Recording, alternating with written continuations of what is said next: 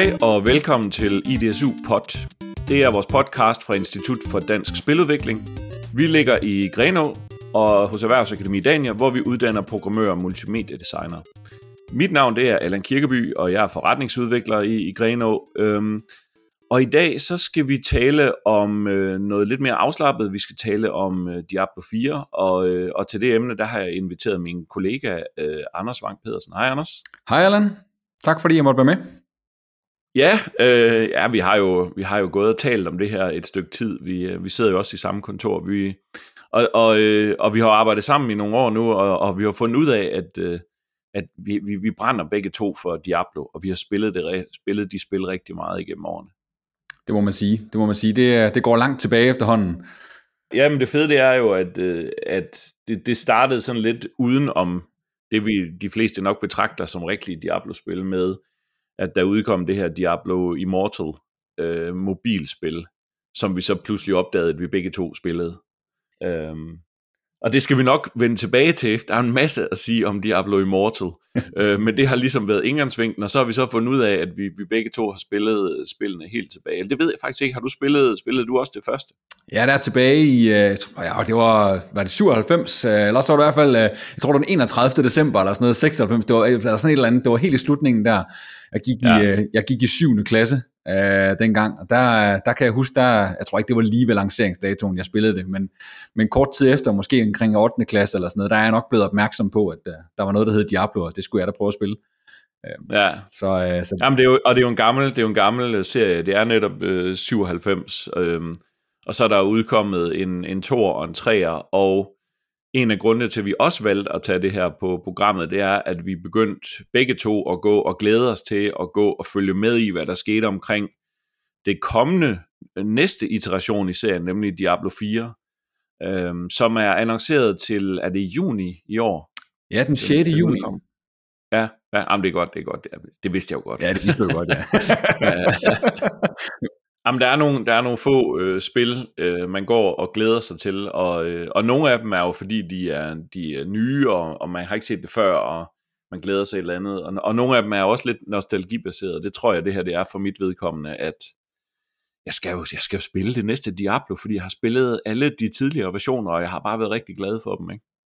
Så afgjort. Det er, det, det er skægt, hvad, hvad det angår øh, nostalgieffekten, for den, den tror jeg betyder rigtig meget i sådan nogle spil som Diablo, fordi i essensen, så kan man jo sige, uh, kernen, og det kommer vi nok til at snakke mere om senere også, ikke? men kernen handler om det samme. Gå rundt og smadre en masse monstre og få noget loot. Uh, og det, det har man jo gjort uh, siden 97 nu, og ja, man skulle tro, man har fået nok loot, men uh, det er ligesom om, at den der loot-nerve, den bliver aldrig kildet nok. Man bliver nødt til at have mere loot. Ja, Jamen det, og det, det er sjovt ikke, at, øh, Altså det er jo, det er jo, det er jo masser af game design uh, tricks og så videre, ja. og, og nu kalder vi det tricks, når vi underviser i det, fordi det er noget, vi skal lære at kunne udnytte, uh, når vi underviser ude på, på Erhvervsakademiet i de forskellige ting, uh, blandt andet game design, så er det jo, så er det jo noget, en, en studerende skal kunne bruge som værktøj, men, men da, da det startede tilbage i, i sin tid, altså loot havde jo eksisteret før Diablo, men det var måske lige før det var, det sådan for alvor blev indført, som begreb i, i, i, i spilterminologien med Diablo. det ved jeg ikke, det, det, det fortaber sig lidt i, øh, i togerne fra gammel tid, men det, det har sådan en følelse af, at Diablo sådan var der, hvor man for alvor begyndte at tale om sådan loot, loot spray, ikke? Du, du smadrer noget, og så vælter der guld og alt muligt ud af de monster, man, øh, man dræber. Ikke? Ja, den der lidt fjollede tendens til, at der kommer kæmpe store rustninger ud af små rotter. Uh, ja. det, er, det, er, det er en skæg uh, ting. Jeg tror også, altså for mit vedkommende er det i hvert fald Diablo, hvor jeg stiftede bekendtskab med det for første gang selv. Øh, altså det her loot, den her loot-cyklus. øh, og altså jeg spillede rollespil, øh, det gjorde jeg også øh, før jeg spillede Diablo. øh, der spillede jeg også Dungeons and Dragons. øh, og, øh, og, og så på den måde, så var det en let transition for mig at skulle tage fat på sådan et spil som Diablo. Ja, Nå, og man kan jo også sige, at, at man, altså, ud, altså ordet loot øh, bruger man jo også i Dungeons and Dragons, men jeg tror, at den, øh, den implicite betydning og, og alle de associationer, man får, når man siger det i forbindelse med computerspil, er jo blevet med tiden, og blandt andet på grund af Diablo-serien, og så alle mulige øh, andre spil, der har efterlignet, eller gør noget af det samme. Øh, det, er jo noget, det er jo noget andet end, end det er et traditionelt rolle, papirrollespil, fordi papirrollespil er det jo, er det jo ikke loot, der, der skal man ned og finde nogle treasures og nogle, øh, gå på udforskninger, der er noget historie, og så er der måske en kiste, med, med man åbner, og så er der noget guld og, og en magisk ting i. Ikke? Men i Diablo er det jo bare tons, tons på tons af loot, der bare vælter ind i hovedet på en. Ikke? Ja. Og det er det i hvert fald blevet til, øh, og det er blevet ud, udvidet mere og mere og mere efterhånden, som serien har udviklet sig. Ikke? Øhm, og, og nu vi taler om, hvad spillet kan, det kan være, at vi lige skulle øh, ramme genren ind. Ja. Bare lige, bare lige for, altså, det er nok usandsynligt, at der, der, er nogen, der lytter med, som ikke ved, hvad Diablo er, men altså, det er jo et øh, action RPG, kalder man det, ikke? Ja. Action, action rollespil, rollespil er måske lidt misviste, men når man siger action RPG, så siger man måske også med det samme, at, at role-playing game-delen af det har ikke så meget med role at gøre, og har meget mere med action at gøre. Ikke? Ja, Ja, det er, det er ikke Diablo-spillene, som er mest kendt for, at man er, man er den, der øh, fordyber sig ned i, i, i de dybe historiefortællinger. Øh, og men det kan måske godt være, det kommer vi ind på, at Diablo 4 måske trækker det lidt i en ny retning, eller i hvert fald forsøger at gøre det, hvis rygterne taler sandt. Ja. Men at det, er, det, det er typisk action-delen, der, der står forrest. Det har du ret i. Ja, og så har det også et, øh, et mere øh, repetitivt gameplay end for eksempel et, et BioWare action RPG, fordi de, de moderne udgaver af BioWare rollespil er jo, nærmer sig jo også action øh, genren mere, end, end de gjorde i gamle dage, hvor det var turn-based. Ikke? Ja. Men hvor i Diablo, så, øh, så, så er der ikke ret mange sådan fordybende samtaler med non-player characters. Der er det sgu egentlig bare, øh, her er en mission, og så skal man ud og klikke på en hel masse monster, der skal dø. Ikke? Ja. Ja, der er også, altså så er der jo den genre, som, altså det er jo, det er jo lidt det samme som action RPG, men hack and slash, øh, genren, øh, er, er et ord for stort set det samme, ikke? Øh, som jeg også synes, man godt kan, kan godt være sådan et, et tag, man kan hæfte på Diablo, Diablo-serien med, med våben, melee combat, øh, sådan typisk fokuseret, ikke? Der er selvfølgelig også noget range combat i Diablo-spillene med magi og, og hvad det nu ellers må være, men, men typisk så er det jo sådan noget close, close quarters øh, smadrer alt, hvad der rører sig. Ja, ja. Øhm, og så øh, historisk set har de jo sådan øh, udviklet sig, og, og den, den primære reference, vi har i dag, er jo, og, og sikkert det spil, vi begge to har spillet af, af hvad skal man sige, hovedserien, hvis vi lige ser bort fra Diablo Immortal, men det er jo Diablo 3, det er i hvert fald den, jeg har spillet øh, mest inden for de sidste jeg er nødt til at sige 10, øh, 10 år, for den udkom jo i, i 2012, så det er jo efterhånden et gammelt spil, ikke? Øhm, og det har jeg faktisk spillet på konsol, modsat min, øh, min første erfaringer med Diablo-serien, både 1'eren og 2'eren, det var jo, det var jo sad på PC. Ja. Øhm, så det er jo også migreret til konsol. Jeg gætter på, at du har spillet 3'eren på PC. Jeg har faktisk både spillet 3'eren på PC og på konsol. Øhm, ja. Og jeg må sige, da jeg endelig tog mig tid, eller tid, mod, eller hvad hedder sådan noget, til at, at købe det på Playstation, øh, og spille det der sammen med mine børn, så havde jeg en helt anden oplevelse, end da jeg spillede det på PC. Det var jo naturligvis det samme spil, men det der med at sidde og spille det i en sofa, øh, og, og dele skærmen med andre spillere, det var en helt anderledes type Diablo, jeg fik lov at prøve, og det var mega, mega fedt. Øh, ja. Den der konsolfølelse var jeg slet ikke klar over, den rammede lige præcis det spil så godt. Øh, der tror jeg, de har, der har de faktisk lavet en, en lidt mindre genistreg. Der er selvfølgelig nogle, nogle udfordringer ved, ved det her med at skulle dele skærm, når man skal hele tiden sidde og equippe hinanden, eller sin egen held, og så skal man skifte og vente på de andre, når interfacet kommer ind. Men, øh, men, men selve det sådan visceral combat feel øh, var mega, mega fedt. Ja, men jeg er også stor øh, couch co-op fan, og, og også i samme situation, som du beskriver der med, med mine øh, sønner. Øh, mine sønner er, er lidt ældre end dine børn, men, ja. men øh, vi nyder også øh, ikke bare Diablo, men alle mulige spil, og vi faktisk aktivt opsøger. Det, det må være et andet afsnit. Det laver vi om, øh, om et par måneder, så laver vi et couch co-op afsnit. Lad os gøre det. øhm, jeg tror, at øh, jeg tror, at Diablo øh, øh, gør det godt på den måde, at det er jo faktisk en af de øh, spil, som har overlevet tidens tand, øh, uden øh, hvis vi lige, hvis vi også taler om Diablo 3 nu, før vi springer ja. til øh, ind i at, at tale om, hvad vi forventer, og hvad vi, hvad vi ved, der kommer til Diablo 4, ikke? Men, men Diablo 3 er jo er jo noget, øh, er mange år, kommet mange år senere end Diablo 1, men det er forbløffende, hvor meget de to spil øh, ligner hinanden, altså fra 1'eren til 3'eren, og, og faktisk også det, vi ved om 4'eren, ikke? Altså, kameravinklen er det samme, jeg ved godt, de, de nu bruger 3D-grafik, og i den gamle var det 2D-grafik, men ud, sådan, sådan på afstand ser spillet lige sådan ud. Du ser din karakter lidt op fra, øh, du løber igennem et landskab, karakteren er i midten af skærmen typisk, øh, og så når du trykker på et monster, så angriber du det. Ja. Ikke? Altså øh, groft, groft fortalt. Ikke? Øhm, så det er jo en, en, en genre, der ligesom er, er en måde at styre på, som, som er, er ældet øh, fint, kan man sige. Ikke? Ja, altså der er også nogle flere ting, hvor jeg tænker, at det her Diablo serien været med til at, at skabe, altså de her to uh, globes, en health globe og en mana globe, du har dernede i bunden af skærmen. Uh, altså ja. det kan godt være, der har været nogle spil før Diablo, uh, men det er også, jeg, jeg tror det faktisk ikke rigtigt, uh, jeg kan være, men det må der være nogle lyttere, som måske kan påpege for os, uh, hvor vi tager fejl, men, uh, men jeg tror, det er et af de første spil i hvert fald, som introducerede det, og jeg ved ikke, uh, måden hele, hvad skal man sige, de character layout er på, og det her inventory Tetris, øh, der ligesom var øh, og er, er også lidt specielt for, for den der genre, og, og noget man ser igennem de her mange spil, altså man kan nogle gange, så har det, nogle af spillene har det fungeret anderledes på, det fungerede for eksempel anderledes mellem, øh, mellem 1'eren og 3'eren øh, med, mm. med dit inventory, ikke?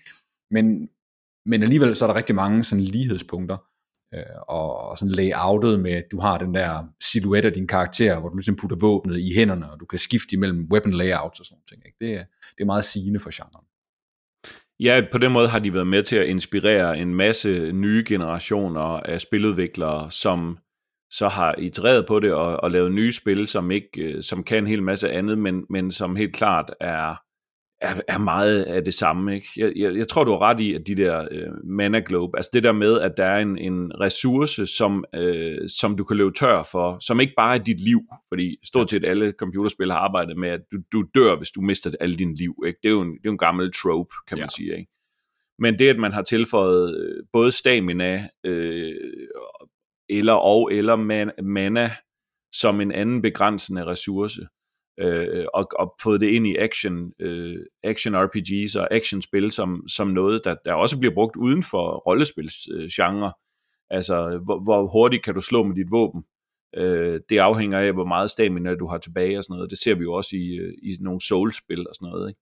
Så, øh, så det er interessant. Og det er også ret interessant, synes jeg, hvis man kan tillade sig at dykke helt derned, at, at hvis vi kigger på hele den måde, som, som Diablos talent, sådan talent tree og skill tree øh, udvikling har været igennem 1, 2 og 3 og nu op til 4'eren, hvordan det her ændrede sig.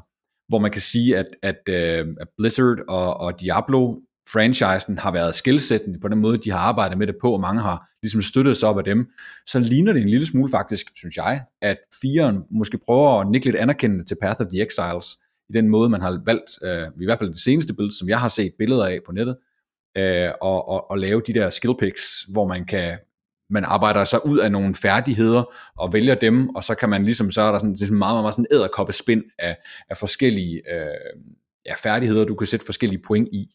Og det, det synes jeg, man har ikke set på samme grad øh, i de tidligere versioner, som man gør det nu her, og det er meget stort og meget komplekst net af muligheder, lader det til at være, sådan i hvert fald set ja. mine øjne.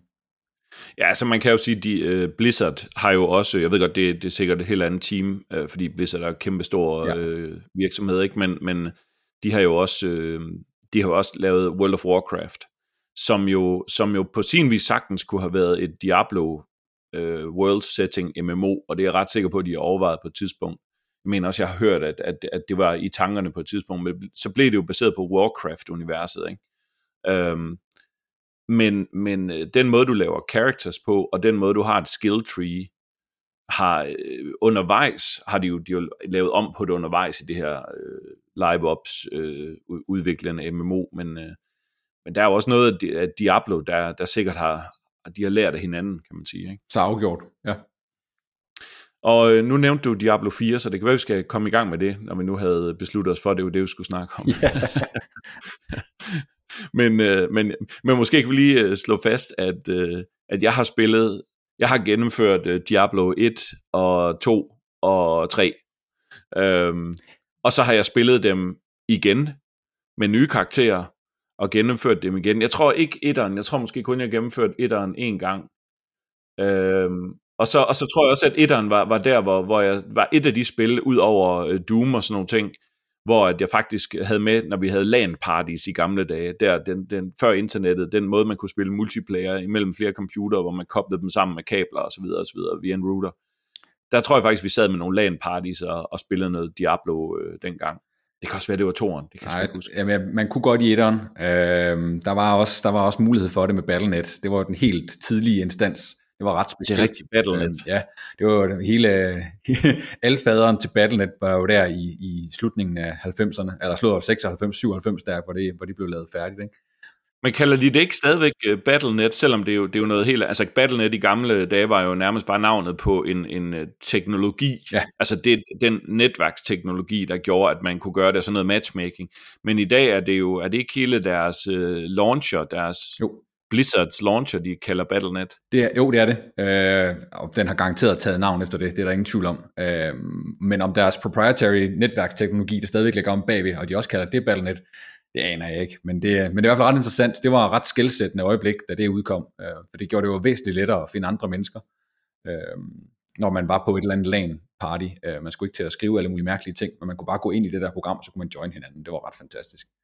Jamen, og det er, jo, det er jo også sjovt, nu taler vi om nogle af de ting, der, hvor de har været øh, banebrydende, eller mm. i min verden har været det. Det, her, det er jo det der med, at man kan spille rollespil med sine venner, og gå ud og slå nogle monstre ihjel sammen med sine venner. Ja. Altså jeg ved godt, der var også øh, nogle forsøg fra, fra øh, øh BioWare med, øh, med Baldur's Gate-serien, øh, hvor de også havde mulighed for, at man kunne koble sammen. Så der var et par firmaer, der, der gjorde noget i det, ikke? På, ja. på forskellige måder. Men Diablo var i hvert fald en af de ting, hvor jeg, hvor jeg gætter på, at unge mennesker, øh, eller den alder, man nu havde, da man spillede den dengang, har, har, har siddet og koblet computere sammen med det formål, at vi skulle dele med spil sammen. Ikke? Men jeg tror faktisk, jeg tror faktisk at Baldur's Gate, jeg tror det var senere. Øh, ja, det kan godt være. Jeg tror, det, var, det har været 99 måske, eller sådan noget. Øh, jeg tror, det var tættere på 1000 skiftet, end, end man sådan lige regner med. Jamen, og Diablo 2 er jo over 2000. Ja, det er 2000. Så i virkeligheden, ja, ja. Det, der, det der er sjovt, det er, at Diablo 1 og Diablo 2 ligger jo tæt på hinanden. Og det er jo fordi, øh, jeg fik læst mig frem til, at Diablo 1 solgte, øh, lynhurtigt kom op og solgte, solgte en million kopier, hvilket var at betragte som en stor succes ja. dengang. Ja. Så de annoncerede faktisk, at de ville lave en tor ret hurtigt efter. Altså, hvor, hvor de vidste, det var en succes, så ville de selvfølgelig lave en tor. Og så kom, øh, så kom toren øh, fire år efter, hvilket er meget hurtigere end træeren, som jo så af forskellige årsager først kom i, i 2012. Ikke? Øhm. Jamen, de fik jo også, øh, de fik jo også uh, lavet en, uh, jeg ved ikke, hvordan den aftale den lød, men uh, sammen med Sierra, uh, lavede de jo ja. det her, den her uh, expansion, kan man tillade sig at kalde det, eller reiterering af Diablo 1, der hed Hellfire. Ja, ja. Øh, som der er rigtig mange, der ikke rigtig har lyst til at snakke om, fordi det er sådan lidt en, det er lidt en uf-ting at snakke om, tror jeg. En bastard. En bastard. Lidt en bastard. Men, men til gengæld kan man sige, det, det, det lagde jo øh, grunden til en af, en af kerne øh, elementerne, en af de ting, som øh, vi i dag forventer som fans af Diablo, nemlig øh, at de, der kommer, der, når en ny version af Diablo udkommer, så er der en historie, hvor man skal dræbe en eller anden af de her dæmoner. Der er jo syv dæmoner, og Diablo er den, man skulle dræbe i de første spil, og så, så videre, så videre. Ikke? Og det er typisk, at man altid dræbe Diablo i en eller anden iteration, øh, ja. i hver version af det. Men, og så kan man gennemføre det, og så på et eller andet tidspunkt udgiver de en udvidelse. Det er i hvert fald en forventning, jeg har, fordi Øh, det kan godt være, at det var på, på at et, et andet firma, der gjorde det til etteren, men til toeren, der var det jo, der kom Lord of Destruction, og til treeren Reaper of Souls og Rise of the Necromancer, og, som også tilføjede nye karakterer og sådan nogle ting. Og jeg tror sgu egentlig også, at det forventer jeg, og nærmest håber jeg også lidt til Diablo 4, at jeg efter et år, efter Diablo 4's udgivelse, kommer der sgu en, en, en update, hvor der kommer mere historie eller sådan nogle ting. Ikke? Øhm, det, det er i hvert fald en, en, en del af serien, synes jeg. Helt sikkert. At, at det, det forventer jeg fra tidligere versioner. Ikke? Det er, det er der ingen tvivl om. Det er, det er noget fans, og dermed også os, at vi forventer. Vi forventer mere, og vi forventer, at det bliver en, en jeg skulle lige så sige en levende historie, eller noget, der udvikler sig. Man kan sige, at min forventning er faktisk ikke rigtig historie, men, men min forventning er, er, er flere bosser, flere dungeons og flere muligheder.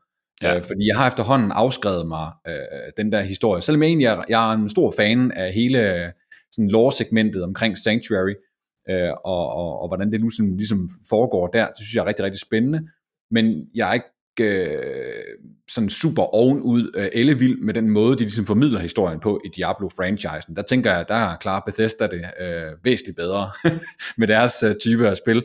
Men det er egentlig okay, fordi det er egentlig heller ikke det, spillet handler om, for mig i hvert fald. Det har det aldrig været.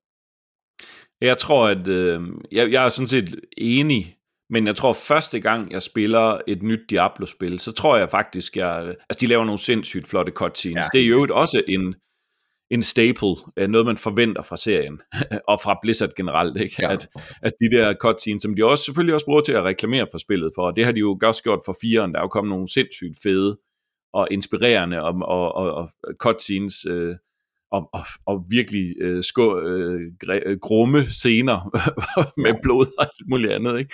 Som, man, som gør, at man ser frem til spillet. Um, så, så der er jo en hel masse øh, tropes og etablerede øh, ting, som Diablo-serien har gjort igennem tiderne, som vi har været begejstrede for, som så også sætter barn for, hvad vi forventer, der ligesom skal være i et Diablo 4. Det er jo så spørgsmål om, øh, om Diablo 4 ender med at, at levere på det, og det kan vi jo prøve at, at snakke lidt om. Det kan være, at vi skal prøve at snakke om om gameplay.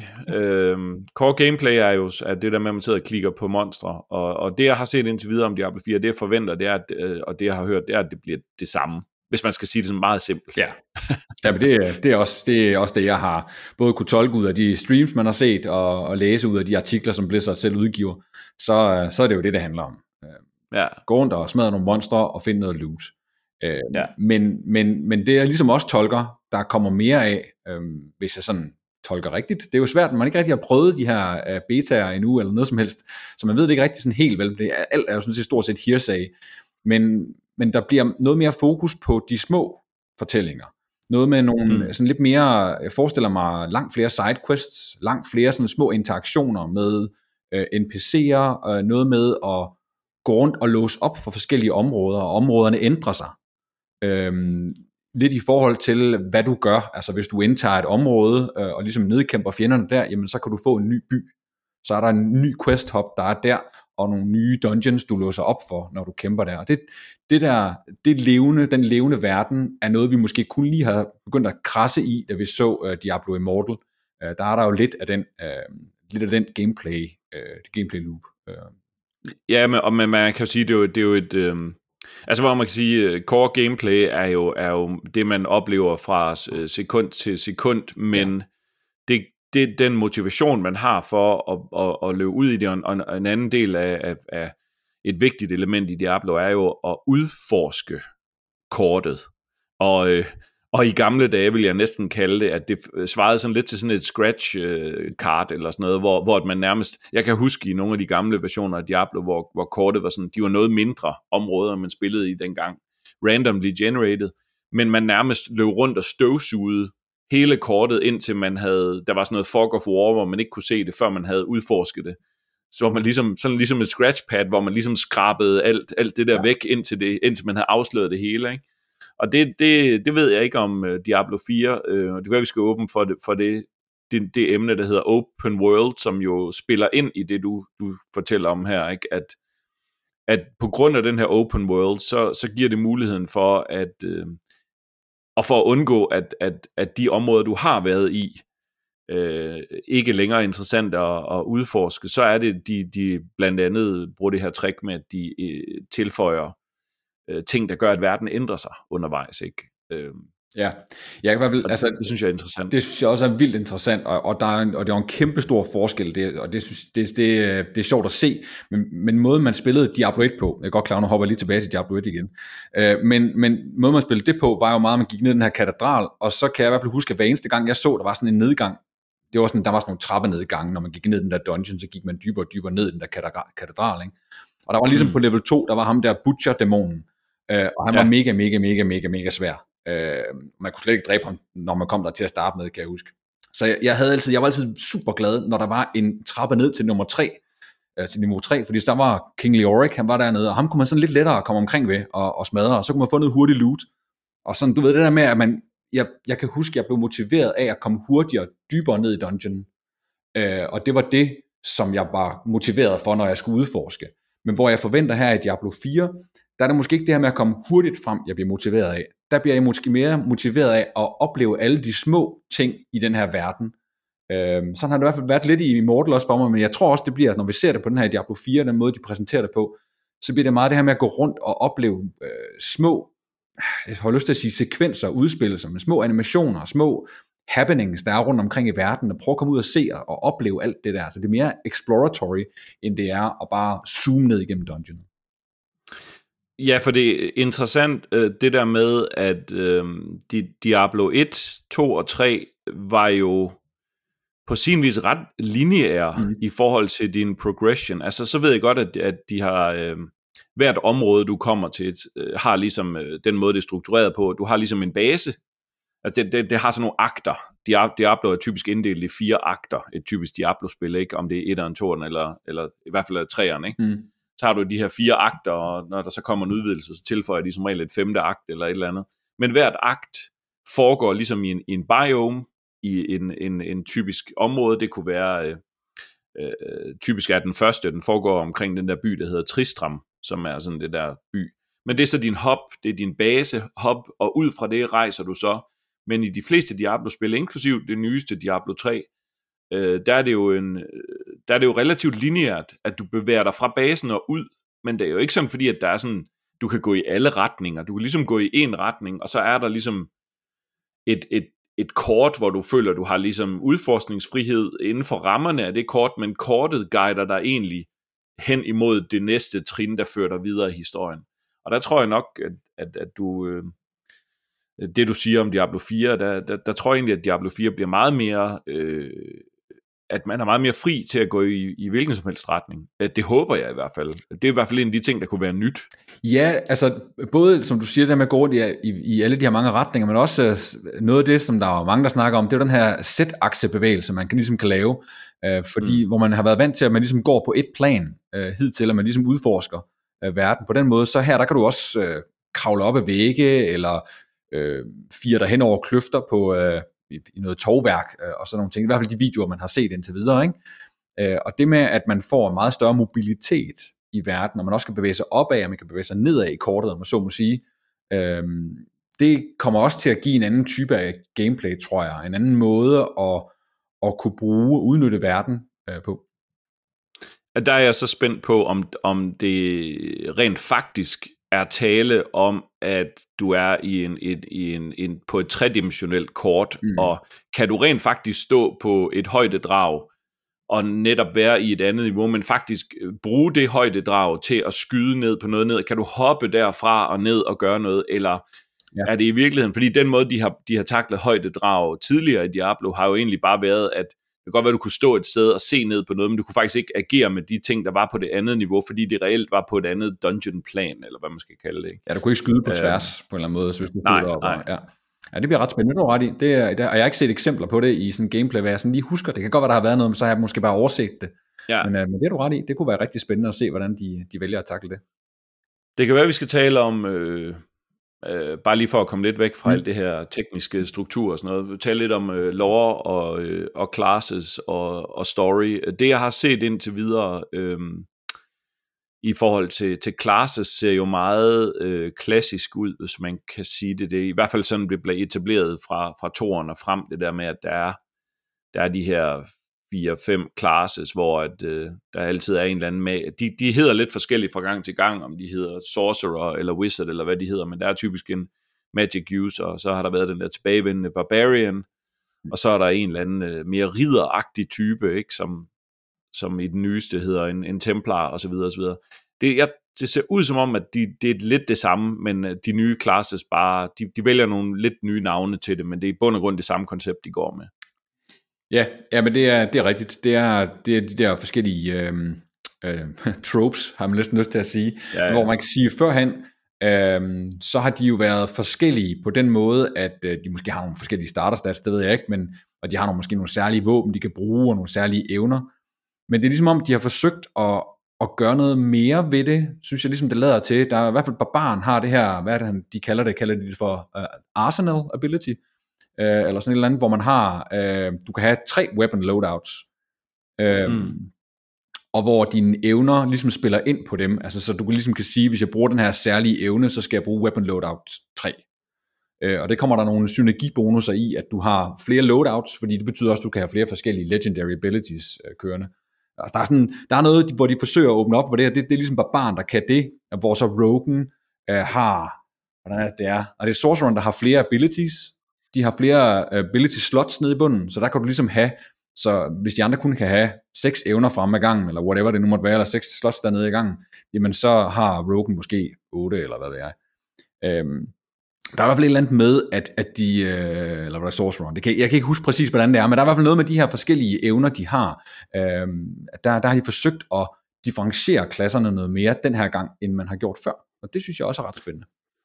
Jamen, og det, øh, ja, og det er virkelig interessant, fordi hvis man sådan skal være sådan lidt øh, kynisk, selvfølgelig øh, i, i Diablo 3 og Diablo 2, øh, selvfølgelig er der jo forskel på, hvordan en, en barbarian og en, øh, en sorcerer eller wizard vil vælge at, at spille, altså gameplay style, altså hvor man er mere ranged og skyder på afstand, øh, som sorcerer og wizard, og hvor, hvor man hopper hen imod monstrene og giver sig til at slå med sit våben, men hvis man skal være sådan lidt øh, grov, så kan man jo sige, så meget forskel var der jo ikke, fordi det var egentlig bare en anden ability, man trykkede på, og så gav man skade, ja. groft sagt. Ikke? Og, og det var jo også fint, fordi de var jo udpræget designet som single-player-spil. Øhm, og det kan man, øh, det jo der nogle, øh, og det, der, der tror jeg, at øh, Blizzard har kigget på deres anden kæmpe succes, World of Warcraft, og, og, og prøvet at få noget af det ind, nu hvor de også laver en open world, fordi øhm, de kommer jo også til at, det bliver jo always online det her spil, ja. øh, firen, og der kommer til at være mulighed for at møde andre spillere, og de kommer til at, at anspore til, at man grupper op i meget højere grad. Så derfor tror jeg også, at de har siddet i deres designovervejelser og, og tænkt, at der skal være, der skal være noget, der skal være noget, noget, der ligesom understøtter, at man samarbejder i højere grad. Der skal være en følelse af, at det jeg kan med min klasse, med min karakter, er anderledes end det du kan, og at vi på grund af, at vi er forskellige, faktisk bliver stærkere sammen. Ja. Øh, hvor at, at altså så 1 plus 1 giver mere end 2, ikke? Altså the sum is, is more than the sum, eller hvad man siger, ikke? Øh, hvor, hvor at i, i Diablo 3 var det egentlig bare følelsen af, at der var vi bare tre, tre, når vi spillede tre sammen, så var vi bare tre individer, der egentlig bare øh, alle sammen pløjede igennem fjender, og vi ikke havde behov for hinanden, hvor at World of Warcraft, der er det jo designet med den her typisk træenighed med tank healer og, øh, og DPS, ikke? Ja, det, det er den klassiske øh, rollespilsting. Og jeg ved ikke, om de har kigget lidt i den retning, og så har de prøvet at se, om de kunne finde en balance mellem, at jeg tror stadigvæk ikke, selvom de det er en open world, og det er, ikke, det er jo ikke et helt et MMO, men de, de prøver i hvert fald at lave en verden, hvor du kan møde andre spillere regelmæssigt. Øh, men ikke på, på samme niveau som det store MMO World of Warcraft. Så de prøver, de er nødt til stadigvæk at designe kla- klasserne, så det er solo-klasser, så du kan spille det som et solospil, men samtidig skal der være et incitament til, at du også kan nyde det ja. øh, i multiplayer. Ikke? Ja, og, og jeg, jeg kan også forstå, øh, hvad jeg sådan hører igen, det, det, er, det er jo meget af det her er jo virkelig hearsay, det er ret interessant, men, men hvad jeg ligesom kan forstå, så, øh, så er der ligesom den her campaign mode, som man kan spille i her i Diablo 4, og den campaign mode er som udgangspunkt egentlig tænkt til at være solo, så du spiller den her campaign mode solo, øh, medmindre du inviterer nogle af dine øh, hvad hedder det, venner ind selvfølgelig op til, så du har så ja, fire i alt, altså det vil sige tre venner ind, og så spiller I den her campaign sammen, hvis I vil det. Øh, og når man så er kommet til en særlig quest hop, unlocket et særligt område, jamen så åbner verden sig ligesom op, og så er det, at der kommer andre parties, der bliver synlige. Øh, det er ligesom vi også har observeret det i Immortal, men det er ikke lige så mange, hvad jeg kan forstå, som det er i Immortal. Jeg synes, jeg har hørt et tal, der hedder 12, øh, men mm. det kan være, jeg har hørt forkert. Øh, men 12 personer i alt på samme, i samme instans af gangen. Så det er i virkeligheden ikke super mange, øh, men det ved jeg ikke, har du hørt andre tal end det, Allan? Det, der er jeg lidt i tvivl faktisk. Nej, det har jeg ikke. Jeg har hørt noget om, at du kan vælge... Øhm, altså, du kan, du kan øh, ligesom så mange andre spil, man kan vælge at, at aktivt gruppe op med nogle bestemte, mm. og så sikre, at man kommer i den samme instans. Altså, de bruger det der koncept med instancing, som vi også har set i andre spil, og som World of Warcraft også har brugt til nogle af deres story missions, hvor at du jo, selvom World of Warcraft som udgangspunkt er et MMO, hvor alle er det samme sted, så er der sekvenser i World of Warcraft, hvor du er i en instans, hvor der ikke er andre spillere. Øhm, og det, og det er jo det, det er jo der mange af sådan nogle online-spil, der, der gør, og det, det, det tror jeg også, de gør her, og, og det jo har også noget at gøre med, hvordan man styrer server loads, og ja. hvordan man undgår, at der er for mange spillere, og serveren bryder sammen og sådan noget, så det er sådan en måde at, at segmentere, hvor meget pres der er på hvert lille, lille instans, kan man sige. Ikke? Så, øh, så nej, jeg har, ikke, jeg har ikke hørt andre tal. Jeg ved, at øh, i forhold til det her multiplayer og PvP, Øhm, der er der, ja, så der er der sådan en story eller campaign, og så er der øhm, noget, vi også skal tale om på et tidspunkt, endgame, men så kommer der også specifikke, ligesom multiplayer dungeons og øh, også øh, overworld eller open world bosses eller, eller udfordringer, som, som er designet specifikt til, at det kan godt være, at du kommer som solospiller og møder det, men det er bedre, hvis du tager det sammen med nogle andre. Øhm. Ja, det er ligesom noget med, at de popper frem, hvad jeg kunne høre. Så popper de frem på, mm. på minimappet, eller der kommer en notits om, hey, nu er der spawnet det her herovre, og så er det ligesom om, så leder det folk derover. Lidt ligesom vi, ja igen, har set i, i Immortal, ikke? at der i zonen kommer en besked om, at nu er, nu er karavanen startet, eller whatever, og så kan man gå over til det sted, hvor det ligesom pinger på kortet, og så er det der, hvor folk automatisk samles, fordi alle folk vil gerne vil hen og have det fede loot, ikke? og så på den måde, så samles der folk der, og man arbejder sammen om at løse det her quest, eller øh, event, eller en miniboss, der kommer. Når man har gjort det, man har fået sit loot, så går man ligesom hver til sit igen. Øhm, ja. Og det er sådan en måde at, at, at få folk til at både arbejde sammen, men samtidig også give dem pladsen til at kunne spille hver for sig. Ja, altså det er jo en form for øh, at forsøge at tage det, det, det, det, altså det bedste fra MMO'erne, eller måske mm. ikke det bedste, men, men men den del af MMO'erne, som, øh, hvor folk altid har lyst til at arbejde sammen, nemlig at arbejde sammen om at slagte de store fjender, som det ikke kan lade sig gøre at tage alene. Så der er man også nødt til at arbejde sammen. Ja. Men samtidig øh, et forsøg på at undgå øh, en af de faldgrupper, som store multiplayer-spil har, nemlig hvis spillet er designet for meget til, at, at de her, du, du skal spille det multiplayer, hvis den player population så falder i en periode, eller hvis man vil launch ikke har nok spillere, eller senere hen i livscyklusen for spillet, så kan spillet virke tomt, hvis det er, det er designet meget på, at, at alle skal være til stede hele tiden. Og, og det løser de jo så, kan man sige, på en lidt fræk måde ved egentlig at gøre det til et singleplayer-spil, men lave den her smarte måde at skubbe folk sammen til de her specifikke events. Ikke? Ja. Øh, der skal jo heller ikke være en ret stor player population, før at du har, før at du nemt kan samle de 12 mennesker, der er i, i en enkelt instans, kan man sige. Ja, det vil være ret øh, Så det at, man, det, at folk ikke sidder og tænker, om jeg forventer, at jeg vil kunne se 100 mennesker, jeg har set 100 mennesker, men nu ser jeg kun 10, så må spillet være ved at dø. Og det er jo en af de ting, det er jo en af de trends, der ligesom er på nettet, det er, at, at øh, de her trolls, eller alle, alle de der haters, eller sådan noget, har, har rigtig travlt med en gang imellem at annoncere, nu er det her spil dødt. Ja, ja. Baseret på, at nu er der ikke flere, der spiller det, eller serverne er tomme, eller et eller andet. Det er så ikke altid sandt, at spillet er dødt, men der er nogen, der er nogen YouTuber og, og, andre, der, der øh, har travlt med ligesom at være med til at cementere, at nu kan det ikke betale sig at spille det her mere. Og det tror jeg er en frygt, som mange af de, de store spilfirmaer øh, vil helst ikke øh, ende i den der faldgruppe, hvor, hvor det bliver omtalt som et dødt spil.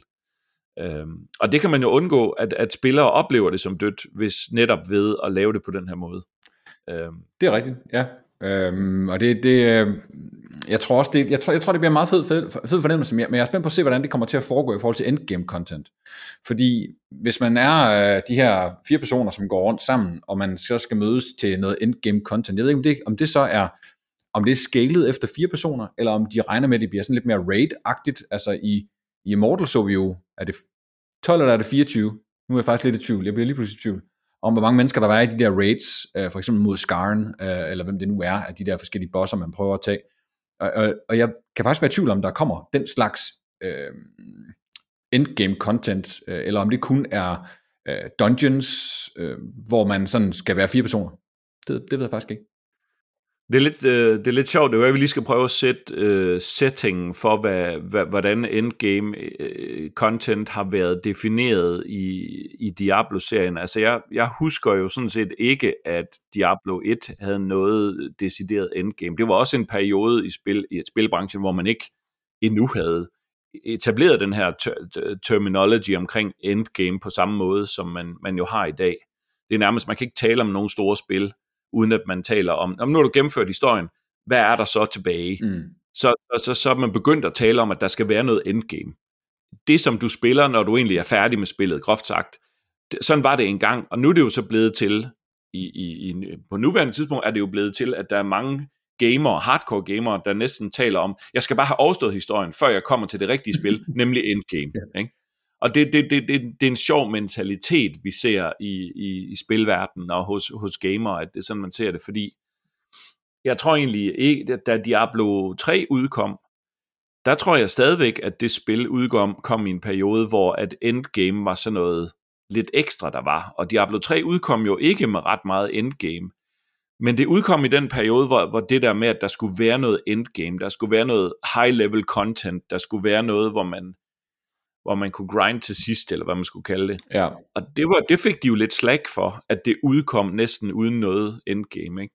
Ja, fordi jeg, jeg kan faktisk huske, at uh, Rifts, det udkom først med expansion, gjorde det ikke det?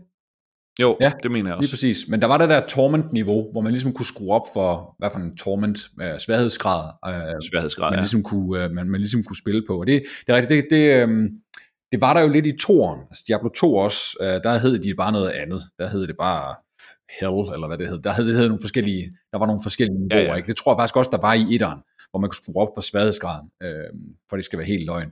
Men, men, øh, men der var ikke rigtig som sådan noget endgame, hvor man blev ved med at, at kunne skrue på og, og skrue bedre og bedre og bedre loot. Det, øh, det var jo, altså det er jo det, det handler om. Øh, essensen i Diablo-spillene er jo loot, som vi har snakket om, og, og i Diablo 2, der var der det her fænomen med Mephisto runs, tror jeg de fleste kendte, kendte dem som, hvor man ligesom tog sådan noget særligt udstyr på, hvor man havde magic find items, som er, gjorde, at man, man kunne finde bedre, øh, hvad hedder sådan noget, man kunne finde bedre magical items, eller finde flere af dem i hvert fald. Øh, til gengæld så gjorde man ikke nær så ondt, lidt så meget skade, så derfor så var det sværere at klare de der svære bosser, når man havde det udstyr på. Men det var, det var ligesom måden at få de, de, de sejre items i, i Diablo 2. Oh, det lyder som om, du har spillet mere Diablo 2, end jeg har. Jeg tror måske, jeg har gennemført det, og så, øh, så har jeg måske øh, for travlt på arbejde eller et eller andet der. Ja, det... Jeg har jo en, øh, en lille anekdote. Jeg havde jo en, en onkel, som, som i hans pensionsalder, han var forud for sin tid i forhold til, at han var en gammel mand, der sad og spillede computer allerede i to, omkring 2000 med Diablo-serien der, ikke? Og han, øh, han, han var jo så interesseret i at få alt det loot. Man, man kunne jo få loot sets. Ja. Så det der med, at man fik et par støvler og et par handsker, der hørte til det samme sæt, og når man så tog det hele på, så passede de sammen. Ikke bare visuelt, men også at de gjorde hinanden stærkere, og man fik bedre stats og sådan noget. Ja. Men for at samle de her loot sets, så skulle man netop ud og lave sådan nogle runs, som du taler om der. Problemet var, at man havde, der var begrænset, hvor meget man kunne gemme i sit inventory, og, og, og save gamet gemte det kun. Så han havde simpelthen en computer, der stod permanent tændt, og som han så kunne gå ind i LAN netværk med, og så kunne han øh, smide det udstyr, han havde fundet, som han ikke havde plads til i sit save game, ja. på, den, på jorden i det spil. Og så var det hans måde at gemme alt det ekstra udstyr, han gerne ville finde. Det, det er med nørdet. Helt vildt. Og siger lidt om, at, at, at et Diablo-spil kunne fange en, øh, en gammel pensionist øh, allerede tilbage i 2000. Så. Jamen, det er så vildt. Altså, jeg, jeg spillede det jo, da jeg gik i gymnasiet. Øh, det var lige i den tid, og der laver man jo alligevel ikke noget. Uh, så, så, så der havde jeg jo masser af tid. Uh, og, og, og så, så jeg havde indtil flere af sådan nogle mules, øh, hed de vist, hvor man ligesom bare puttede ting over på de karakterer. Så masser af level 1 karakterer, som bare stod rundt omkring. Og så kunne man ligesom hoppe ind, og så, og så give dem loot øh, også. Ja. Og det var også en, det er en alternativ, det var endnu en måde at ja. omgå øh, deres, øh, deres øh, kunstige begrænsning i inventoriet, kan man sige, ved at have nogle ekstra karakterer, man kunne dele med. Nå, øh, øh tilbage til Diablo 4. Øhm, det er jo også en, en live service spil. Ja. Øh, og det er jo også en del af det, der, der spiller ind i det her endgame, vi lige, øh, vi lige berørt lidt. Og jeg tror, at det er måske en af de, altså grundlæggende tror jeg, det er en af de, de store nye ting, som kommer til at saturere den måde designet vil opleves som nyt og anderledes. Altså de ting, som vil være, hvor, vi, hvor, man, hvor man vil tænke, at Diablo 4 kommer med noget nyt. Det er på grund af det her live service, og det er måske på grund af, at, øh, at Blizzard netop allerede langt, altså da de konceptuelt øh, udtænkte Diablo 4, og det de ville med det, vidste de allerede, fordi de havde erfaring fra Diablo 3, at vi, vi er nødt til at lave et spil, som ikke bare er 50 timers gameplay i grundhistorien, og så har du gennemført spillet. Vi er nødt, fordi vi ved, at vores fans brokker sig, hvis der ikke er et endgame. Det ved vi fra træerne. Så vi er nødt til at lave et spil, der har så meget content, og vi kan blive ved med at opdatere, og som netop kan leve i, i mange år fremad. Og det, øhm, det er jo interessant, at, at, at i markedsføringen, vi har set lidt om grundhistorien i spillet, men det, de taler mest om, er endgame. ja, ja, det er rigtigt. altså, tænk, bare tænk over, at det, de taler om, er noget, som man skal bruge.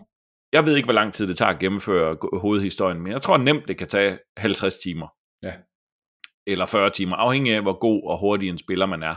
Men jeg, jeg husker da, at Diablo 3, det tog da relativt lang tid at, at første gang at gennemføre spillet, ikke? Men det bruger de ikke ret lang tid på at tale om.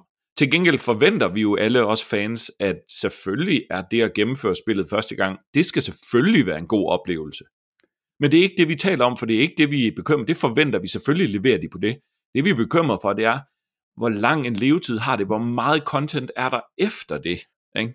Ja, det er ret skægt. Ikke? Det er det, folk også hisser sig mest op over. og det, det er interessant, for øh, jo er flere årsager, ikke? Men, men det her med, at man, man, man, man, øh, øh, man vil gerne, når man laver sådan nogle store spil med sådan nogle franchises og kendte IP'er. Altså, det er en utaknemmelig opgave i virkeligheden, ikke? fordi øh, altså på mange måder er det selvfølgelig også taknemmeligt, men, men, men, men udfordringen er jo, at folk har så mange forventninger, at, ja. at det er ikke nok bare at levere et mega godt spil.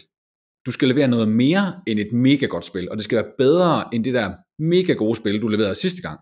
Så du, du skal blive ved med at overgå øh, dig selv hele tiden, og det, det er en kæmpe opgave, øh, at de står overfor. Øh, og jeg tror, du har helt ret i, at det her live service, det er, det er, en, det er en måde at, at gøre det på. Øh, også fordi noget af det, som jeg i hvert fald så, det, det er måske en, jeg ved ikke, om det er nogle tanker, de også har gjort sig i forhold til World of Warcraft, den måde, det ligesom fungerede på. For jeg kan huske, da mange af de instances, der kom øh, i starten af World of Warcraft, øh, Molten Core og Naxxramas og alle de her meget store raids, de her 40 raids, der var de rigtig bekymrede for, at at det var så lille en procentdel af spillerbasen, som rent faktisk fik lov til at gennemføre det content. At, at de synes, det var lidt spild her, om man så må sige, spild af penge, øh, og udvikle noget content, som måske 1 eller 2 procent af hele fanbasen kom til at gennemføre. Og, og man kan sige, med live content, hvor du putter lidt mindre indhold ind ad gangen, så er det måske sådan lidt mere en økonomisk måde at, at distribuere dit content på. Så du ikke bare laver sådan en kæmpe stor bunke af content, der kommer ind, bum, øh, og så drukner folk i det. Men her der får du sådan lidt mere en lindstrøm, og folk føler hele tiden, at der sker noget med core, uh, core content og core gameplay. Og det, øh, det tror jeg er en rigtig god måde psykologisk øh, og, og, og sørge for, at folk hele tiden føler, at der sker noget i det her spil. Ja, Jamen, og så tror jeg også, at, øh, at der er ingen tvivl om, at med de der store raids, altså 40-man raids, som jo var, var nogle af de største, da de var størst i World of Warcraft, ja og som man vil stadigvæk man kan genspille og opleve igen i, i World of Warcraft Classic ja, øh, versionen, de har udgivet. Men altså, jeg har, jeg har prøvet at være raid leader og, og raided i nogle af de der spil i, i den guild, jeg var, jeg var leder for i sin tid. Og, og det var jo det var jo både kaotisk og episk, og det var jo, det var jo en arbejdsindsats uden lige. Altså, det svarede jo lidt til at være spejderleder for et eller andet øh, mellemstort spejderstævne. Ja, det ved jeg ikke, du er spejderleder, men, men det var sådan, jeg havde sådan en oplevelse af, at jeg skulle jo bruge en hel uge på at sørge for, at folk øh, i gilden huskede at dukke op til tiden og sådan noget, fordi hvis man sidder og forventer, at der kommer 40 mennesker, og hvis der kun kommer 35, så kan du ikke klare bossen. Ja. Så, så, så det, det var ret meget commitment, så, og det var både fedt og skidt, men jeg tror fra, fra firmaernes side, der, det er jo ikke kun Blizzard, der har lært det her. Nej, nej. Det, er jo, det er jo mange af de her firmaer, der har lavet MMO'er. Så, øhm, så, så lige så, lige så snart uh, player population i spillet falder fra de der helt episke højder, som alle selvfølgelig håber på, men, men når det ligesom flader ud til et niveau, som måske er mere realistisk, og det kan jo stadigvæk godt være, at der er øh, en million mennesker, eller 500.000 mennesker, der spiller det, og, og det er en fin for alle drømmer jo om 12 millioner, eller mange øh, World of Warcraft havde på et tidspunkt. Ja faste spillere, ikke? Men, men så, øh, så risikerer man, at det der content bliver irrelevant, og, og netop at, at, at det ikke er tilgængeligt for en stor mængde. Og det de jo gjorde, det var jo, at de reducerede mængden af spillere, der skulle til for et raid. øh, og gradvist igennem World of Warcrafts historie er det blevet reduceret til, til 20, og så lavede de raids, hvor du var 12, og så lavede de specialvarianter af de store raids, som du godt kunne tage med, med færre spillere, så man stadig kunne opleve, hvad skal man sige, at slås med de her monstre. Ja. Og jeg tror, det er lidt det, de har, de prøver at, jamen jeg, jeg kalder det sgu lidt et MMO light, altså ja. Diablo 4. Altså det er sådan lidt den der følelse af, at vi vil gerne have nogle af de der ting, der er i et MMO, men det skal ikke, vi, vi er nødt til at designe det på en måde, sådan at, at en spiller, der vil spille lige nu klokken to om natten, og som sidder i Spanien, skal ikke være begrænset af, at der ikke lige tilfældigvis er, er nogen amerikanere logget på, eller nogen kinesere logget på på det tidspunkt, og derfor er der ikke ret mange spillere. Der skal spilleren kunne gå ind og gøre det, vedkommende har lyst til, groft sagt. Ikke? Ja. Så det er jo et designprincip, de, de arbejder på at løse, sådan at spillere ikke føler, at verden er tom. Samtidig med, at de gerne vil give spillere muligheden for at, at, at klare nogle virkelig episke kampe i samarbejde med andre spillere. Og det er jo en, det er jo en svær designudfordring, og jeg tror, det er det, de forsøger at takle med, med den måde, de strukturerer verden på.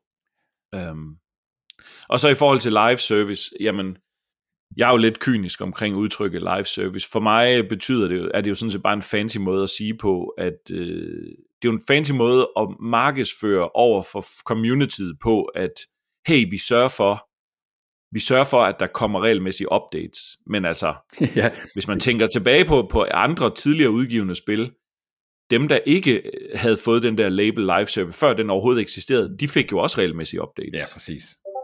Så nu er det bare en måde at prøve at sige til communityet, prøve at berolige dem, nej, men I skal, I, skal, I skal købe vores spil, fordi bare roligt, vi sørger for at understøtte det også to år efter launch. Altså det er jo sådan lidt en form for løfte, man giver, ikke? Ja. Øhm, hvor man ligesom lover at sørge for, at, at, at man vil opdatere spillet regelmæssigt. Ikke? Øhm, men i virkeligheden er der jo ikke så meget live over det andet, end at de sørger for at opdatere det en gang imellem. Ja, altså det, er, det, er også, det er også det, jeg læser i det og, og hører.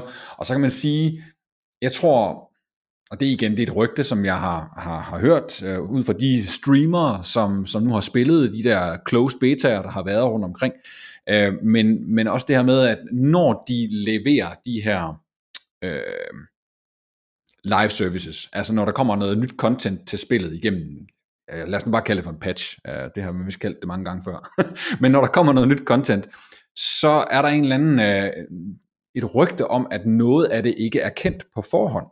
Altså det vil sige, man, man ved, at der er kommet noget nyt content, men man som spiller ikke er helt klar over, hvad er det egentlig for noget content? Jeg ved, det er noget eller det her, men for ligesom at finde ud af det, så skal jeg selv gå lidt på opdagelse i det. Så der er sådan noget mere Øh, der er noget mere udforskning i det at finde ud af, hvad er det nye content, og hvad byder det på, og hvad er det nye meta, ikke desto mindre. Altså det er jo metaet i, i spillet, øh, vil også ændre sig, og det, øh, det tror jeg er nok noget af det, der er det, det specielle øh, ved, ved den live service, de kommer til at tilbyde. Ja, ja, så tror jeg, ja, og, øh, og meta, meta er jo også et, øh, et begreb, som, som efterhånden er ret etableret. Og der, altså, folk bruger det i flæng, i, i alle mulige sammenhænge og i, i forskellige betydninger. Jeg, altså gamer kan kalde sig, I'm metagaming now, hvis man spiller på en måde, hvor man gamer systemet på ja. en eller anden måde, eller hvor man suboptimerer den måde, man spiller på, enten i forhold til spillertid, eller hvor hurtigt man kan søste ressourcer, eller sådan nogle ting. Ikke? Men metaet er jo også øh, bliver også brugt om det udtryk, der hedder balancen, styrke, styrkeforholdene, øh, øh, hvad skal man sige, ud fra en eller anden analytisk måde at tilgå det på, styrkeforholdene mellem de forskellige karakterer og deres forskellige evner, og hvad for nogle evner kunne det bedst betale sig, og, og hvad for nogle rustninger kan det bedst betale sig at tage på sin karakter, hvis man vil være stærkest mulig i en given sammenhæng og sådan noget. Så det, det er sådan et meget komplekst system, som hører til i hele subkulturen omkring de fleste spil, hvor der så sidder nogle, nogle førende so-me content producers ja. og, og folk, der ligesom kommunikerer om, hvad det stærke meta er nu, og så, så følger folk med på det og sådan nogle ting. Ikke? Og det er jo en, det er jo en helt ny ting, som spiludviklere skal forholde sig til. Ja, det... At, at, at det opstår, at man kan ikke, man kan ikke, altså, man kan ikke bare lave et spil, og så kan folk sidde og nyde det, at der opstår en hel kultur rundt om spillet, hvor folk analyserer, øh, ind i spillets systemer og prøver at min-maxe, kalder man det også, ikke, når man forsøger at superoptimere. Men det er jo netop også, altså det er jo også en kultur, som de gerne vil, få, altså dem vil de jo gerne fordre, fordi det er jo netop noget, der sker ja, det dynamik i communityen. Og derfor så, jeg tror i hvert fald det er derfor, øh, har de jo valgt at, øh, her i første omgang, og lade være med at implementere set items. Mm-hmm. Ja, det har jeg i hvert fald hørt øh, igen på rygterne, at set itemsene ikke bliver en del af den initielle øh, launch af Diablo 4. Simpelthen fordi, at de er bange er måske et forkert ord, men de frygter en lille smule, at de kommer til at styre metaet for meget, at de kommer til at sige, at set items skal man have, fordi det giver en særlig combo i forhold til nogle særlige skills. Men ved at man siger, at det i stedet for er, at de hedder, altså der er, nogle, der er jo forskellige tiers af, af våben, ikke også? hvor det typisk har været legendaries, der har været de højeste, men nu kommer der vist nogle andre, jeg kan ikke huske præcis, hvad de hedder, hedder de mythical, eller hedder de artifact? Ja, det, det er sjovt, fordi der er, mange, der er mange af de samme koncepter, ligesom de kalder det ikke længere torments, de her forskellige sværhedsgrader. Ja. De har fundet på et eller andet nyt navn til det, men i bund og grund er det det samme. Ikke? Ja. Så øh, de, de finder bare en ny terminologi, øh, fordi det gør det lettere for dem at, at justere på det, uden folk øh, sidder og tænker, hvorfor, hvorfor opfører det sig ikke ligesom Torment, når I kalder det Torment? De kan bedre kalde det, når de kalder det noget andet, kan de vælge at, at, at lade funktionen være en lille smule anderledes, kan man sige. Men i bund og grund er det det samme. Ja, præcis. Ja. Øhm, altså jeg sidder og tænker, øhm, der er jo noget med det her meta, som er en af de store udfordringer for, for sådan nogle spil, hvor at, altså der er jo meget lineære spil, sådan nogle lineære action-adventure spil, hvor at, hvor det er meget tydeligt, at, at det her våben, du nu har fået, efter du har løst den her kamp, det er bedre end dit tidligere våben. Og det er ikke sådan, du, du der er en, en del af sådan nogle, øh, du ved, Legend of Zelda-spil og sådan noget, nu har jeg ikke spillet de nyeste, men, men dem jeg har spillet i gamle dage, ikke? der er det sådan et spørgsmål, eller Assassin's Creed for eksempel, der er det ikke så meget et spørgsmål om, at du, øh, du kan vælge, jeg kan prøve at lave det her setup med mit udstyr, eller det her setup, ja, det kan man så lidt i Assassin's Creed Valhalla, men i bund og grund er det mere sådan, det her våben er åbenlyst bedre end dit tidligere våben. Ja. Så man, så man scaler op, men Diablo og den genre af, af rollespil, eller loot-spil, kan man måske sige, der har de jo længe forsøgt at, at, at, at, at knække nøden på at lave et spil, hvor at du også som spiller kan nyde at være kreativ i, hvordan de kombinerer. Og en af de store ting, der har været et, et problem, har været det her med, at, at, at det her meta, den måde at tænke meta på, hvor der er nogle øh, super gamere, der så sidder og analyserer på, hvad de mener er den bedste kombination af udstyr, hvilket så betyder, at, at hvis det ligesom bliver et fastlåst meta, hvis metaet ligesom manifesterer sig i, nu er det sådan her metaet er, nu er det, nu er det, det her, ud, det her, den her kombination af udstyr, man siger, der er det bedste, så sker der det, at når nye spillere kommer ind i spillet, så, med, så, så i stedet for at lege sig frem til, hvad der er det sjoveste, og bruge spillets systemer til at eksperimentere med at finde ud af, hvad der er det bedste, så øh, hele communityet omkring det siger, at du skal bare gå ind og læse på den her hjemmeside, så, så er det det der udstyr, du skal ind og have.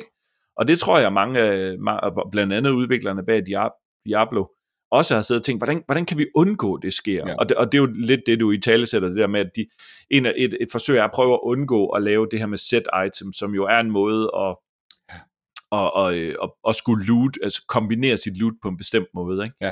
Og jeg tror, det er en rigtig svær ting at løse designmæssigt. Hvordan kan man undgå, at metaet ikke Jamen, jeg, jeg, jeg, jeg, sætter sig fast. Ikke? Ja, og jeg, jeg synes, nogle af de toner, jeg også hører, som jeg, og det er, hvis det passer, så er jeg helt vild med det. Altså, det glæder jeg mig vildt meget til at prøve. Øh, og det er det her med, at man, de der, altså de her artifacts og legendary items, og hvad det nu hedder, hedder de har nogle særlige evner. Altså det vil sige, de, de giver nogle bonusser, eller nogle, de øh, gør noget ved dine færdigheder, dine spells, eller dine, hvad det nu end måtte være. Ikke? Det kan de påvirke på en eller anden måde. Og det vil sige, hvis du finder et item, jamen så det item, det er, det, det, det er super sejt, og det har nogle, nogle gode stats. Det har en eller anden range, det kan rulle indenfor uh, i bonusser til dine, dine evner.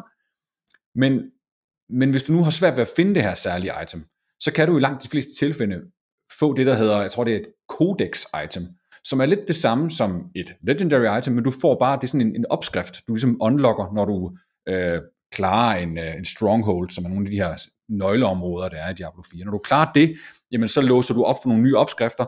Øh, det kan du i hvert fald gøre. Eller også er du ud af dungeons, det kan jeg ikke lige helt huske. Men, men du får i hvert fald låst op for de her opskrifter. Og nu kan du så lave det her legendary item, du har let efter. Men det ruller bare automatisk lavest. Så det vil sige, at du får et dårligt legendary item, men det har de her færdigheder. Det vil sige, at du kan prøve nogle forskellige ting.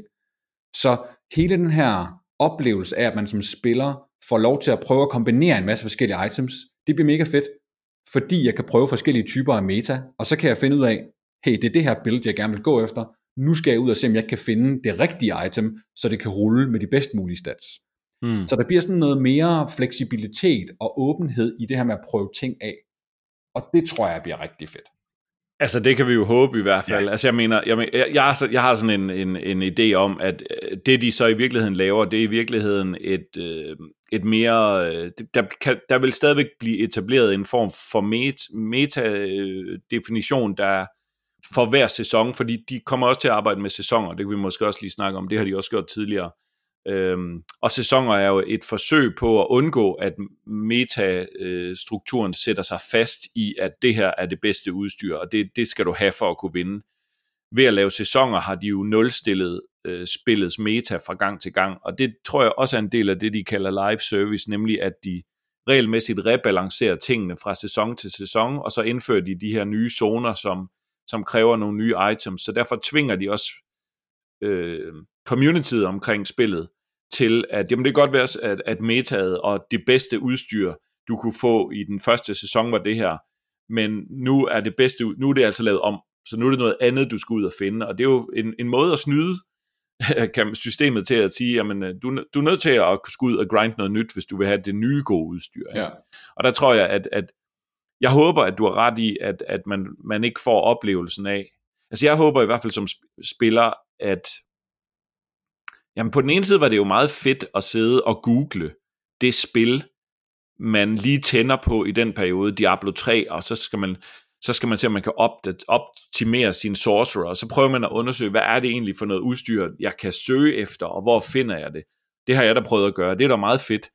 Men jeg tror i længden, synes jeg, det var træls, fordi det tog lidt af glæden fra at gå på opdagelse i spillet. Så jeg håber, du er ret. Jeg håber, du er ret, at nogle af de der systemer, du beskriver, gør det, at jeg ikke længere føler et behov for at sidde og google mig frem til det, men jeg faktisk føler, at spillet faciliterer og hjælper mig til selv at finde frem til det, på en måde, så jeg ikke føler, at jeg er bagud hele tiden. Ikke? Ja, præcis.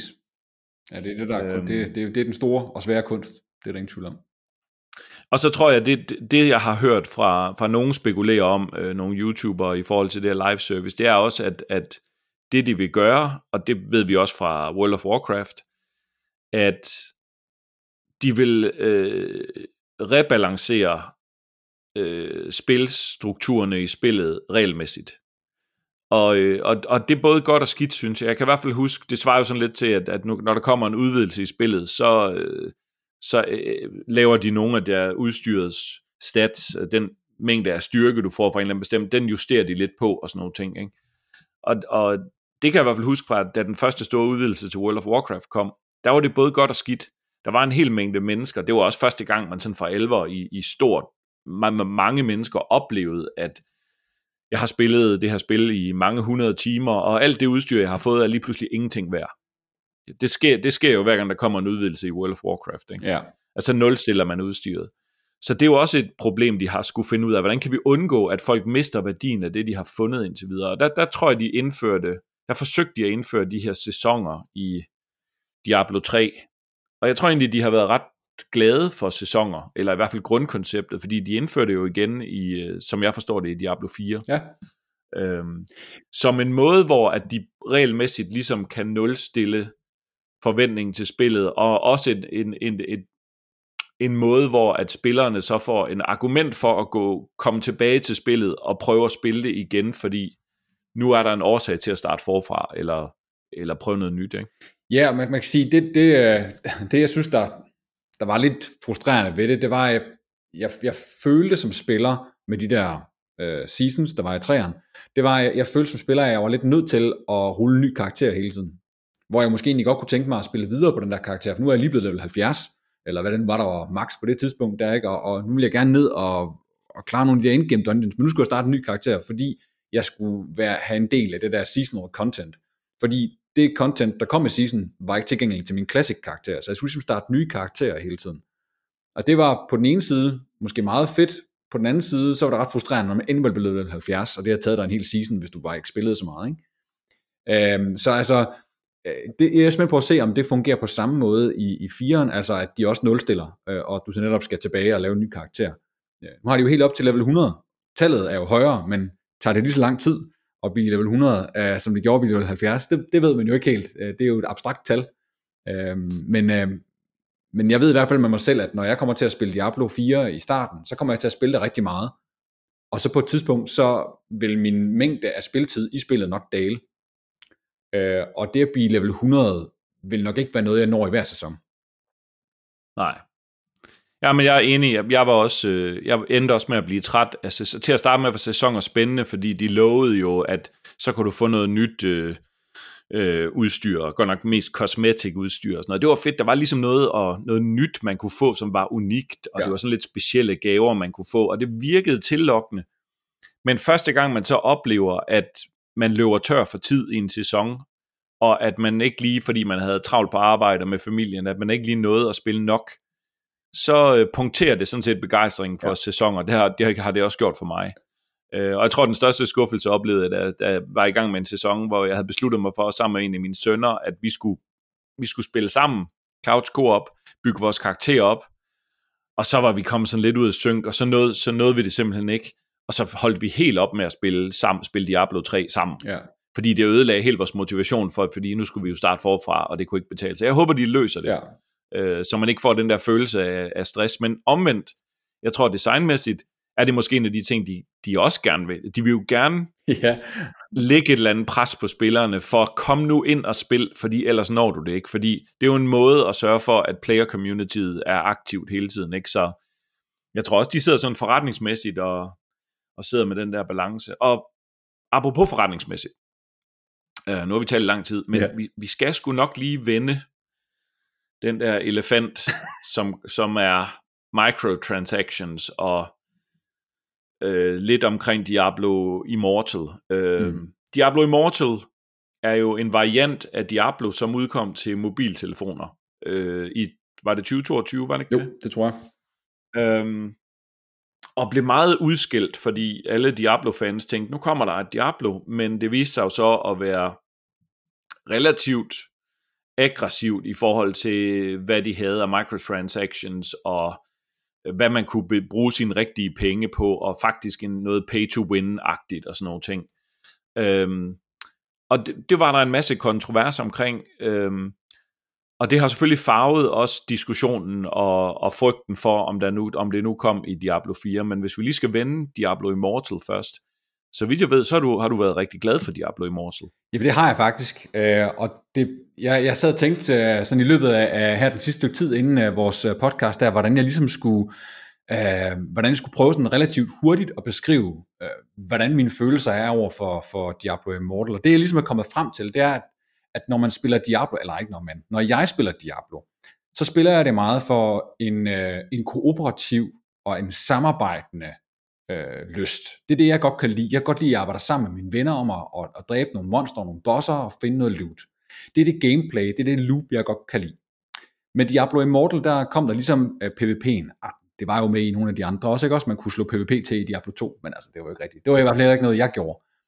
Øh, og det var stærkt ubalanceret. Men, men i Diablo Immortal, der var det ligesom meningen, at det skulle være PvP-center. Øh, og det skulle være, det var en vigtig del af Immortal. Og, og hvis man ser på Immortal PvP, så er det helt klart pay to win. Altså det er der ingen tvivl om. Øh, sådan er det, øh, og øh, det kan man lige så godt acceptere. Men i og med, at det slet ikke er den måde, jeg spiller på, jeg bryder mig slet ikke om PvP-delen. Jeg gad det ikke at spille det.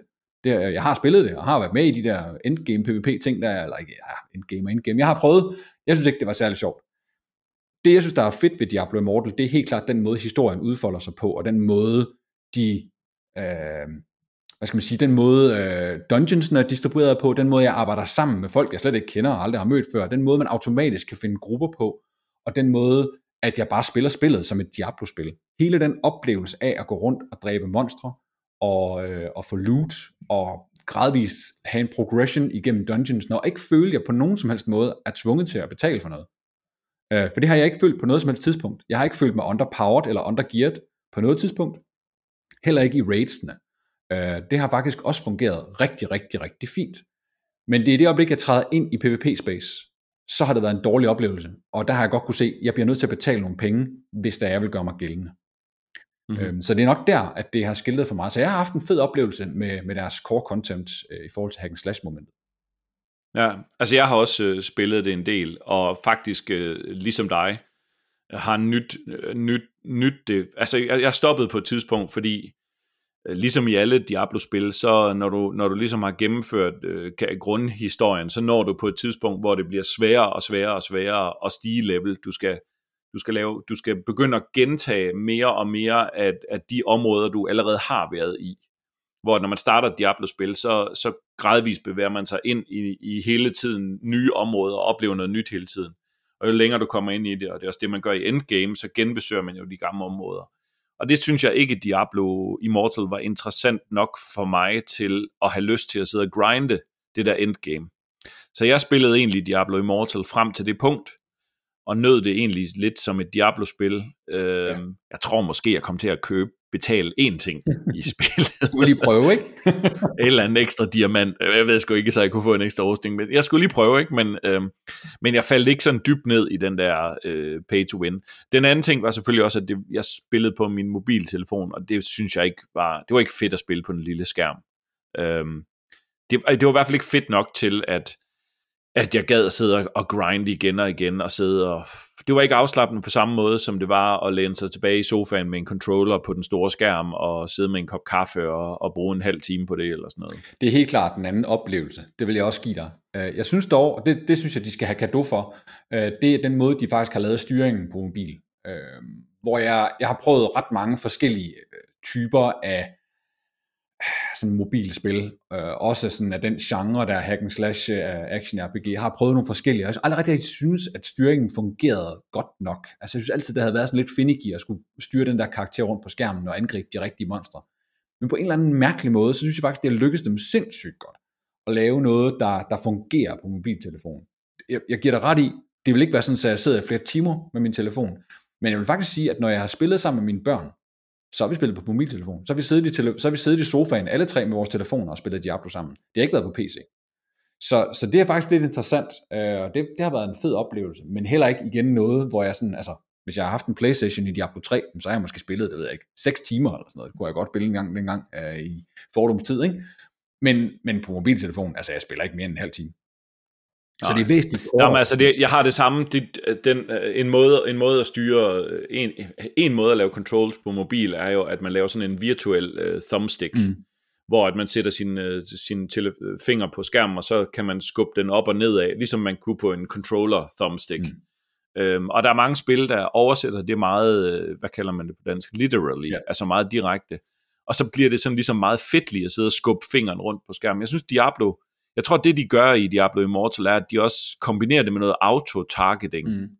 som gør, at, at, at spillet, øh, det er jo ikke sådan, at spillet spiller sig selv, men altså, det, at man meget nemmere bare øh, kan, kan ramme monstrene. Man skal ikke sådan super præcis styre sin karakter. Og det gør nok, at det, det, det føles mindre stressende. Ja, det bliver lidt mere casual, ikke?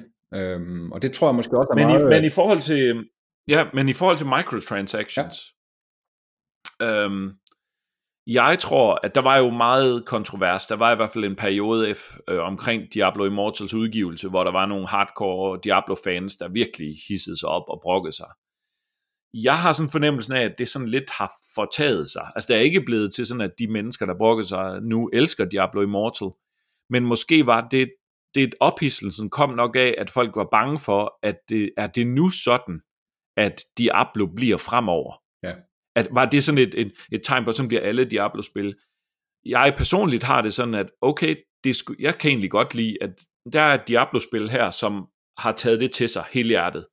Uh, øh, pay to win, microtransactions, det er på mobil, og det er sådan, det forretningsmodellen fungerer der, og det er fint. Og jeg har egentlig fornemmelsen af, og jeg føler mig relativt tryg ved, at Diablo 4 bliver den mere traditionelle Diablo, og så kommer de til at have nogle, nogle ting, du kan købe i spillet, men som jeg forstår det, er det primært cosmetics. Det er i hvert fald det, de annoncerer. Ja, og inventory øh, plus, ikke? Synes jeg også, jeg har hørt. Jo. Ja. Altså, det er jo, det er jo en måde, og, og, og hvordan finansiere... Altså, hvis man ikke laver en abonnementsløsning, som man gør i et stort MMO, hvordan kan man så... Øh, hvordan kan man så finansiere, at man skal have et live service udviklerteam, der sidder permanent i to år efter udgivelsen og arbejder på spillet. Øhm, det er jo en af de svære forretningsbeslutninger, og hvordan man skruer sådan en forretning sammen. Øhm, Helt sikkert. Og det, det, altså der, den måde at remonetize det på, er jo selvfølgelig enten microtransactions, ligesom i et mobilspil, eller også er det Fortnite-modellen, som jo måske lidt af det, som, som de kobler på i, øh, øh, og måske lidt World of Warcraft, alt det, der har, alt det, du kan købe i World of Warcraft, ud over abonnementet. Det er måske lidt den model, de kobler på øh, Diablo 4, at øh, det kommer til at have en butik, hvor du kan købe øh, en, en flot skinnende rustning med glimmer og gyldne vinger, og den kan du kun få, hvis du betaler for den. Den har ikke nogen stats, den gør ja. dig ikke stærkere, den gør ikke noget vildt for dig, men du kan se flot ud. Ja, lidt ligesom, du ved, at du kan købe den der Collectors uh, Edition til 100 øh, euro, hvis, uh, hvis du har lyst ja. til det, ikke? Og der er også nogle fede vinger og nogle seje ting, ikke? Øhm, og, og, og hvad der nu ellers er. Der er vist ret mange ting i den, uh, som, uh, som også taler ind i, i, i det der, uh, jeg kan simpelthen ikke huske, hvad der mere var. Der var vist også noget med mounts, for der er også kommet mounts til, øh, hvad hedder det, til Diablo 4. Øh, der er også nogle særlige udseender af mounts der, tror jeg. Mm. Øh, så, men altså, øh, jeg, jeg, jeg synes også, det er fint, at der er noget microtransaction i øh, Diablo 4. Det må der gerne være. Øh, jeg tror ikke, jeg kommer til at benytte mig af det, øh, men jeg kunne forestille mig, at rigtig, rigtig mange, måske særligt i det østlige marked, øh, kunne finde på at, at købe ind i den, øh, den del, og garanteret også mange her i Vesten, der, der kunne gøre det. Men det er jo noget, man hvert fald for mit vedkommende, og så, så, så er det jo meget den her østlige del af verden, som er rigtig, rigtig glade for den type af gameplay, som vi jo ser i, i rigtig, rigtig mange spil. Øh, hvad hedder det, øh, som udkommer der. Men er det, er det, er det også, altså det, nu, det har jeg faktisk ikke sat mig ind i, det der med den østlige del af verden, men, men er, det, er det også det, hvis spillet øh, koster øh, 500 kroner bare for at få adgang til spillet. Altså mange øh, spil med microtransaction er jo sådan nogle free-to-play-spil. Ja, det er rigtigt. Det kan jeg godt være i tvivl om. Altså man kan sige lige præcis, fordi der netop er sådan et, øh, en premium på den, øh, det gør helt klart noget ved, ved, ved psykologien i forhold til at pøse ekstra penge ind i en microtransaction. Men jeg, jeg, jeg skal ikke, det skal ikke undre mig, at der er masser, der, der, der punger ud efter det. Men nu skal de jo lige have fundet, jeg ved ikke, har de fået lavet en aftale med, med, med nogle andre end NetEase, fordi Øh, de kan jo ikke udgive i Østen, øh, i hvert fald ikke i Kina, øh, medmindre de har en kinesisk samarbejdspartner, og det har de jo da ikke i NetEase længere, fordi de har stoppet deres samarbejdsaftale. Øh, så, så ah, må, ikke, må, ikke de, må ikke de finder det. Tror, altså, jeg tror, jeg lugter, jeg lugter tror, Tencent. Er det, ikke, er det ikke der, vi er henne? altså, hvis der er nogen, der kan, hvis de kan finde ud af at tjene penge sammen med nogen i Kina, så tror jeg nu nok, de skal finde en, en aftale. Ja, må ikke. Øh, med nogen, ikke? Så, øh. Men jeg tror, ja, jeg tror, altså, det var en meget kort omkring Diablo Immortal og microtransactions. Personligt er jeg ikke øh, bekymret for, at det ødelægger, øh, hvad skal man sige, mit Diablo, det jeg håber for Diablo 4, det jeg glæder mig til. Jeg, jeg, jeg, jeg tror ikke, det kommer ind og ødelægger det, og, øhm, og hvis det gør, så, så vil jeg nok lade være med at bruge det, eller hvis, hvis det fylder meget. Mm. Altså det jeg er mest bekymret for, nu siger du, at der er inventory space, det, det vil være en af de ting, hvor det kan godt være, at det ikke er pay to win, men hvis de har bevidst lavet et, et alt for lille inventory, som du så skal betale for at udvide, for at spillet faktisk er behageligt at spille, så du ikke hele tiden skal tilbage til byen for at sælge, fordi du er fyldt op med dit inventory. Det vil jeg være træt af. Ja, det vil jeg også, og, og det er helt klart også en frygt fra min side, men, men, men jeg, altså, de siger jo selv, man kan, så kan man jo stole på dem eller lade være, at, at de har designet det efter, at spiloplevelsen skal være behagelig, uden at man køber noget content, men, mm. eller uden at man køber noget ekstra uh, inventory space, men at man faktisk godt kan, altså man kan godt købe noget, uh, netop bare for at have, ja, bare for at have mere plads. Øhm. Jeg vil med også være træt af at skulle betale 500 kroner for spillet for en ubehagelig oplevelse. Ja, præcis, ikke? Det, kan jo ikke, det giver jo ikke mening. Ja, så det er... Nå, men det lyder også som om, at hvis vi sådan skal runde vores øh, snak af øh, lige så stille, øh, der, er ikke, øh, der er ikke kommet noget på banen i forhold til, nu har vi jo, og ikke sige, at vi har lavet hardcore research, men vi har jo øh, kigget lidt på, hvad der findes på nettet, og hvad man kan snuse frem om Diablo 4 inden den her snak. Og, og det vi har snakket om nu, det, der er i hvert fald ikke noget, som jeg er bekymret for i forhold til, at jeg øh, igen kan nyde og dykke ned i Diablo-verdenen med Diablo 4 her om, øh, om seks måneders tid. Nej, jeg skulle, lige, jeg skulle lige sige, snart tværtimod, jeg, jeg ser rigtig, rigtig meget frem til Diablo 4, og den gory experience, som det formentlig bliver, alt tegner til at blive, meget mørk og sådan uh, goth-agtig stemning, det bliver, det bliver rigtig, rigtig sejt, og det glæder jeg mig til at prøve. Og jeg ved ikke, øh, det kan være, at vi skal, vi skal genbesøge uh, Diablo en gang i fremtiden, Allan, uh, når vi engang har spillet det ja, på uh, post, post-launch ja. evaluation eller et eller andet. Jeg, jeg, glæder mig, jeg glæder mig helt vildt meget. Altså, jeg er jo gammel, øh, jeg er jo gammel World of Warcraft uh, guild leader og sådan nogle ting. Men det kostede for meget af mit liv, øh, og jeg var nødt til at opgive det, og jeg kommer ikke til at vende tilbage til et stort MMO. Så på en eller anden måde, så kan jeg også godt lide ideen om, at jeg, jeg, jeg får muligheden for at få en snært af det gode ved et MMO med, med Diablo, men at de på en eller anden måde designer det til, at jeg også kan spille det med, den, med, med noget mindre tid til rådighed. Um, sådan føler jeg, at det er det spil, de er, ved at, de er på vej til at lave til mig. Til mig ikke? Ja.